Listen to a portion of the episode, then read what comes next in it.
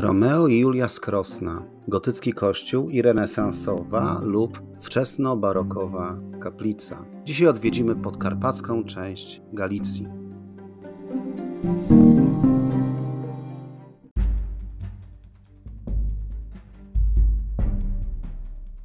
Ryszard Kapuściński powiedział: Wszak istnieje coś takiego jak zarażenie podróżą i jest to rodzaj choroby w gruncie rzeczy nieuleczalnej.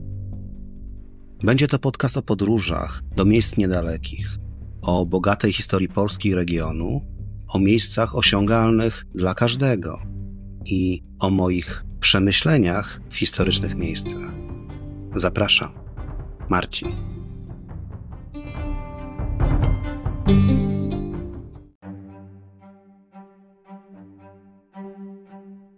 Romeo Julia z Krosna, legenda, która zaprowadzi nas do klasztoru franciszkanów w Krośnie, kaplicy Oświęcimów oraz na ciekawy festiwal. Czy to wszystko, co mogę powiedzieć o Krośnie? Nie, nie i trzy razy nie. Krosno to Muzeum Szkła, przepiękny rynek, Fara i Szkot Portius w jej tle, czy też wspaniałe okolice tego miasta, ale one będą tematem innych podcastów. Zawsze chętnie wracam do Krosna od ładnych kilku lat. Urodzony w Przemyślu, a wychowany w Lwowie Stanisław Jaszowski, zwany także polskim Walterem Scottem, w swojej wydanej w 1831 roku książce pod tytułem Powieści historyczne, w rozdziale Starożytności Galicyjskie pisze Jeżeli Francyja szczyci się grobowcem Abelarda i Helojzy, jeżeli Włochy z chlubą pokazują szczątki Laury i Petrarki, to i nasza kraina pochwalić się może miejscem spoczynku dwojga kochanków, do których życia dziwniejsze jeszcze przywiązane było zdarzenie. Jest to przez wędrowców licznie odwiedzany grób Stanisława i Anny Kunowo-Święcimów, brata i siostry, lecz oraz najważniejszych kochanków, którzy padli ofiarą swej stałej i niezachwianej miłości. Florian od Święcim był szlachcicem, którego ród od wieków zamieszkiwał wieś Kunowa, nieopodal Krosna. Jego rodzina wiodła tam spokojny żywot. Syn, Stanisław Oświęcim, robił karierę w wielkim świecie. Był posłem, łowczym sanockim i doradcą na dworze króla Władysława IV. Florian miał też z drugą żoną dużo młodszą córkę Annę, która była przepiękna i bardzo mądra. Jednak mimo nietuzinkowej urody nie zamierzała wychodzić za mąż. Zwierzyła się matce, że chce wstąpić do zakonu. Anna została oddana na wychowanie do rodziny swojego stryja, który mieszkał w Krośnie. Pewnego razu król Władysław podczas trwającej na dworze służby nakazał Stanisławowi odwiedzić ojca. Będąc posłusznym władcy, na początku czerwca dworzanin przyjechał do rodzinnego domu z prezentami kupowanymi w różnych częściach świata. Akurat wtedy przypadło święto Bożego Ciała, więc cała rodzina Oświęcimów wybrała się wozem z Kunowa do Krosna, aby wziąć udział w procesji i nabożeństwie. Tymczasem Anna wraz z rodziną stryja poszła do kościoła świętej Trójcy, będącego dziś w kościele Farnym. Była ubrana w piękną białą suknię. Wszyscy usiedli przy głównym ołtarzu pod obrazem adoracji Trójcy Świętej. Gdy do kościoła weszli jej ojciec Florian, matka oraz służba, zauważyła przy nich przystojnego mężczyznę. Nie rozpoznała w nim jednak Stanisława, swojego przyrodniego brata, gdyż nie widziała go od wielu lat. Na widok nieznajomego serce zabiło jej mocno. Po zakończonym nabożeństwie cała rodzina udała się na wspólny posiłek. I wtedy Anna dowiedziała się, że sprawcą jej zmieszania jest jej przyrodni brat, Stanisław. Podczas rodzinnego spotkania ustalono, że w następnym tygodniu Stanisław przyjedzie po Annę, aby odwieźć siostrę do domu rodzinnego. Tak też się stało. Jednak w drodze poprosił Annę o rozmowę na osobności. Wyznał jej miłość, której nigdy nie zapomni, mimo niesprzyjających okoliczności. Na co Anna odpowiedziała tym samym. Byli szczęśliwi i smutni zarazem. Z jednej strony wzajemność uczucia, z drugiej więzy krwi, które nie pozwalają się mu zrealizować. Anna i Stanisław uznali, że tylko Bóg może im pomóc, czyli w jego imieniu biskup Rzymu. Następnego dnia zakochany mężczyzna ruszył do Watykanu, gdzie zamierzał prosić papieża o zgodę na ślub z przyrodnią siostrą. Pędził, ile sił konia w kopytach, zaś Anna modliła się o powodzenie misji. Podróż trwała długo, a audiencja krótko, ale zakończyła się sukcesem. Ojciec Święty pobłogosławił ich szczęściu. Stanisław Jaszowski we wspomnianej książce tak o tym pisał. Stroskany i rozpaczający Stanisław udaje się do Rzymu, gdzie w osobistym pozwoleniu papieża ostatniej szuka nadziei. Tam uzyskuje zezwolenie Ojca Świętego na zawarcie ślubów. Gdy Stanisław dotarł wreszcie na miejsce, nie potrafił ukryć radości. Przybywszy do ojcowskiego majątku, nie, nie zauważył, że zgromadzony tam tłum płacze. Nie rozumiał, co się stało, ale po chwili dostrzegł spoczywającą na katafalku w dworskiej kaplicy postać i rozpoznał w niej Annę. Jego ukochana zmarła. Nie doczekała jego powrotu ani radosnej wieści, którą przywiózł z Rzymu. Zakochany do szaleństwa Stanisław nie zniósł tej straty, pękło mu serce i umarł, dołączając w ten sposób do Anny. Ciała obojga zakochanych spoczywają do dzisiaj w bocznej kaplicy franciszkańskiego kościoła w Krośnie. Jednak jak w każdej legendzie i tutaj historia plecie się z ludzką fantazją. Fakt, Stanisław umarł, jednak nie natychmiast, jak zdarza się to w pełnych dramatu przedwojennych melodramatach. Zdążył on dokonać dla swej zmarłej, ukochanej, ważnego dzieła, o czym za chwilę.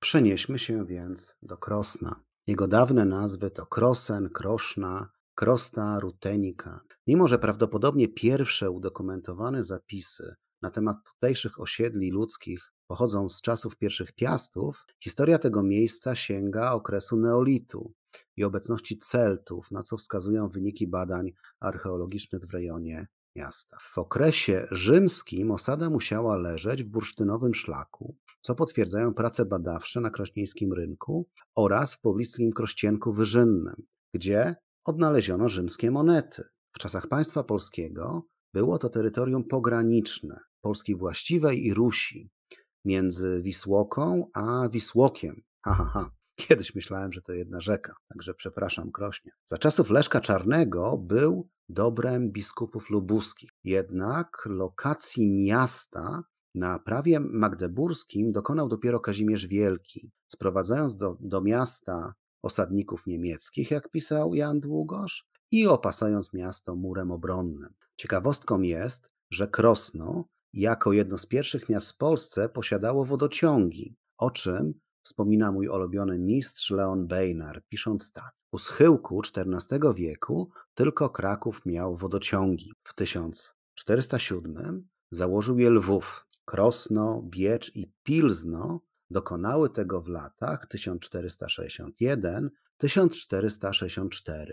Tak więc widzimy, że początki miasta datują się na czasy ostatniego Piasta i pierwszych Jagiellonów, co oznacza, że oprócz niemieckich osiedleńców, aby krzewić Słowo Boże, musiały tu pojawić się zakony żebracze, takie jak na przykład Franciszkanie.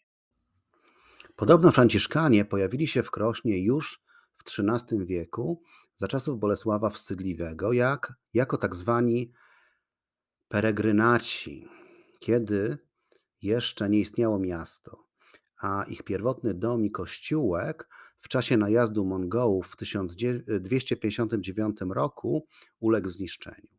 Oficjalnie pojawili się tu w 1378 roku. Początkowo klasztor i kościół były poza miastem, ale kiedy w 1399 roku e, pożar je zamienił w popiół, postanowiono zbudować coś trwalszego, tym razem w obrębie miasta. Co do trwałości, to widać, że był to dobry pomysł, bo kościół stoi do dziś. Parcela kosztowało 300 groszy praskich. Ale deal był dobry, bo Władysław Jagiełło zwolnił, zwolnił Franciszkanów z podatku katastralnego.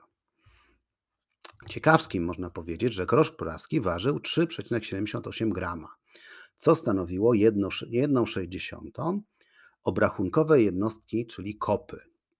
Początkowo zawierał 3,527 gramów srebra, więc znów dobry deal. Coś ponad kilo srebra za działkę w centrum miasta. No i jeszcze, jednej ściany nie musieli budować, bo zbudował ją już Kazimierz Wielki jako mur miejski. W 1591 roku starzaniem jednego, Jerzego Mniszcha, wojewody sandomierskiego, w miejsce drewnianego klasztoru starał klasztor murowany, otoczony później przez franciszkanów murem. Kilka lat później, w roku 1613, po prawej stronie prezbiterium dobudowano doń renesansowo-barokową kaplicę Bractwa Różańcowego. I tu wraca do nas nieszczęśliwy kochanek Stanisław Oświęcim. Otóż w latach 1647, czyli niecałe dwa lata od śmierci swojej ukochanej Anny, Stanisław wystawił dla siebie i rodziny kaplicę grobową, w której to oboje spoczywają razem do dziś. I to jest miejsce nieoczywiste, o którym za chwilę opowiem. Samą kamienicę Oświęcimów opisał w 1870 roku przeor zakonów franciszkanów, ojciec niejaki Inocenty. Na samym wstępie, po lewej stronie kościoła ojców franciszkanów w Korośnie, znajduje się kaplica. W nowszym architektonicznym stylu, znacznie później od starożytnego kościoła, wybudowana przez Stanisława Oświęcima z Kunowy, powszechnie Oświęcimską zwana, po której sklepioną marmurową posadzką u spodu mieści się murowany grobowiec, takiej samej co kaplica objętości z wygodnymi do niego z wnętrza kościoła prowadzącymi schodami.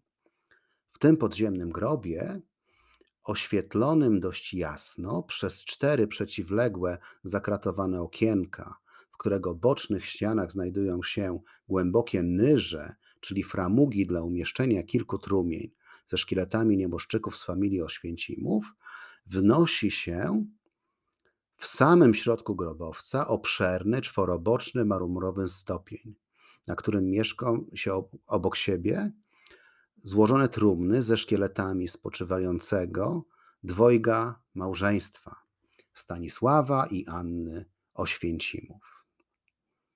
Nie da się odwiedzić kaplicy Oświęcimów, ignorując monumentalny gotycki kościół pod wezwaniem nawiedzenia Najświętszej Marii Pan, który wymurowany jest z cegły, częściowo z późniejszą okładziną kamienną. Kościół, jak na średniowieczne przystało czasy, budowany był etapami od początku XV do początków XVI wieku. I tak pierwszy kościół ukończono już w 1402 roku, a jest to dzisiejsze zamknięte trójboczne prezbiterium oraz przylegające do niego zakrysty. W ciągu XV wieku dobudowano halowy, trójprzęsłowy kościół, a w tym samym wieku dobudowano wspomnianą już kaplicę przemienienia pańskiego, która miała być zawiązkiem kościoła klasztornego. W 1872 roku prawie cała świątynia została zniszczona przez pożar, z której ocalały tylko dwie boczne kaplice. Dziś jednak w dalszym ciągu możemy podziwiać renesansowo-barokowy wystrój kościoła. W pożarze, kiedy spłonął dach i runęło sklepienie, łamiąc ołtarze, w ciągu kilkunastu lat odrestaurowano kościół, dodając nowe sklepienie w prezbiterium, budując nową dzwonnicę, a w 1903 roku zrekonstruowano gotyckie ołtarze. Tak więc nie tylko w tym kościele mamy barok, ale odniesienie do gotyku w rejonie ołtarza. Niegdyś w posadzce kościoła było osiem wejść do grobów, przepiękne katakomby, ale obecnie w kryptach grobowych umieszczono instalację grzewczą kościoła. Budynek klasztorny łączył się z kościołem, ale po pożarach w XIX wieku został częściowo rozebrany i przebudowany. Kaplica grobowa Oświęcimów pod wezwaniem świętego Stanisława ze Szczepanowa i Najświętszej Marii Panny została wniesiona według projektu Mediolańczyka Vincenzo Petroniego, a dekorację stiłkową jej wnętrza wykonał genialny na owe czasy sztukator operujący w XVII-wiecznej Polsce Włoch Giovanni Battista Falconi. Mimo, że od lat kaplica uznawana jest za jedno z najwspanialszych dzieł architektonicznych połowy XVII wieku, nigdy nie doczekała się szczegółowych monografii. Na szczęście dość dokładnie opisał ją w 2012 roku pan profesor Piotr Łopatkiewicz z, Podkar- z Karpackiej Państwowej Uczelni w Krośnie. Tak jak już wspomniałem, kaplica została zbudowana w rekordowym na tamte lata czasie. Poświęcenie kamienia węgielnego nastąpiło 2 maja 1647 roku, a poświęcenie kaplicy odbyło się już 8 października 1648 roku. Czyli cała budowla trwała zaledwie półtora roku. Kaplica rozplanowana została na planie idealnego kwadratu jako budowla dwukondygnacyjna, uwzględniając kryptę, a wnętrze nakrywa ją, e, wnętrze jej nakrywa kopuła sferyczna. Co zobaczyła, co, co zobaczymy wewnątrz?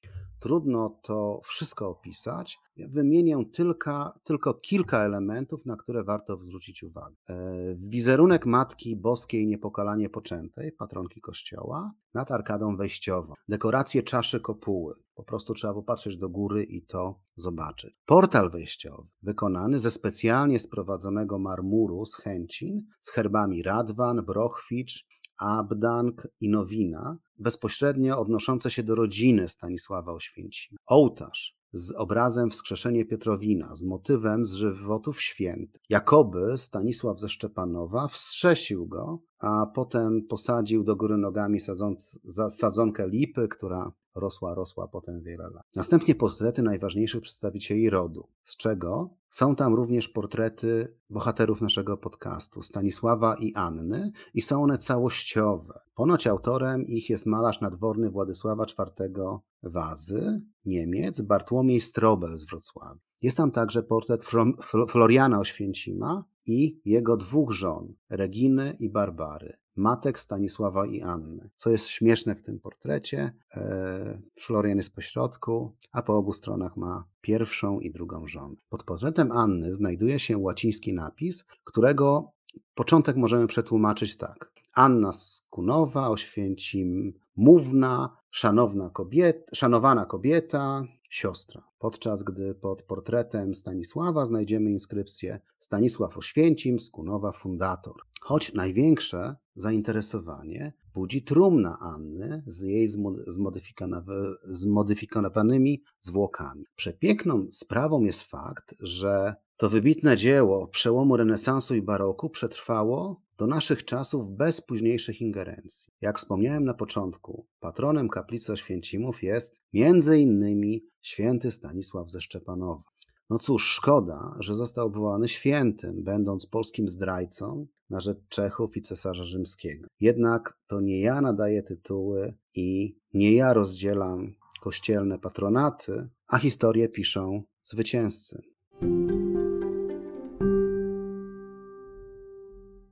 Sprawa Anny i Stanisława Oświęcimów może pachnieć Habsburgami i charakterystyczną dla nich przekrzywioną szczęką tejże słabo wymieszanej genetycznie dynastii. Może pachnąć cesarstwem rzymskim czy konfederacką Alabamą, gdzie wszyscy są kuzynami. Wszak to miłość nieco dziwna, ale taka jest właśnie jedna z legend Krosna. Rzeczy, rzeczywistość prawdopodobnie wyglądała nieco inaczej. Stanisław był od swojej siostry starszy o 21 lat, więc jeśli zakochał się w Annie, to nie mógł być młodzieńczy poryw serca, bo był to wtedy dojrzały facet. Śmiercią swej siostry Stanisław też nie przejął się aż tak, żeby mu pękło serce, bo zmarł 10 lat później po swojej siostrze w wieku 52 lat. Nie zachowały się też żadne źródła potwierdzające lub, lub choćby sugerujące związek erotyczny pomiędzy przyrodnim rodzeństwem. Co do papieskich dyspens dla rodzeństw, nic takiego nie istniało. Fakt. Stanisław zbudował dla Anny kaplicę grobową, gdzie kazał napisać Kaplicę wniósł ku pamięci Anny z Kunowy Oświęcim najsmutniejszy brat Stanisław. Jednak trudno pojąć, jak to się stało, że tenże najsmutniejszy brat zmienił się w bohatera legendy i w wiernego pogrób kochanka. A legenda stała się na tyle ciekawa, że powstało na jej temat wiele dzieł kultury. Anna i Stanisław znaleźli się m.in. w poezji Mieczysława Jastruna e, i Mirona Bujałuszewskiego, ale jedno z najważniejszych dzieł na kanwie tej legendy stworzył Mieczysław Karłowicz, który napisał poemat symfoniczny Stanisław Anna o Święcimowie. W tym miejscu muszę wspomnieć o niesamowitym, corocznym wydarzeniu kulturalnym w Krośnie Young Arts Festival, które powstało z inicjatywy dwojga rodowitych Krośnia, Ani i Bartka, których serdecznie pozdrawiam. Pozdrawiam także całą ekipę Young Arts. Tak się złożyło, że kiedy w środku pandemii w 2020 roku odbywał się ten festiwal, na którym między innymi występowali Marek Napiórkowski, Jacob Collier, Atom String Quartet, jako wolontariusz pilnowałem tam bezpieczeństwa covidowego. Pilnowałem na tyle skutecznie, że niektórych ludzi denerwowałem, natomiast nasi seniorzy podchodzili do mnie, dziękując mi, że tak bardzo dbam o ich życie i zdrowie. W następnym roku było już bez maseczek i zachwyciły mnie koncerty Jana Garbarka oraz katowickiego rapera Miłosza, z którym nawet udało mi się całkiem długo porozmawiać. No i uwaga, w tym roku Young Arts Festival odbędzie się znowu w połowie sierpnia, gdzie obok Leszka Możdżera wystąpi Orkiestra Symfoniczna Filharmonii Lwowskiej, która zagra właśnie wspomniany poemat Karłowicza Stanisław i Anna Oświęcimowie. Jeżeli nic się nie zdarzy złego po drodze, będę tam i Was serdecznie zapraszam do Krosna na Young Arts Festival.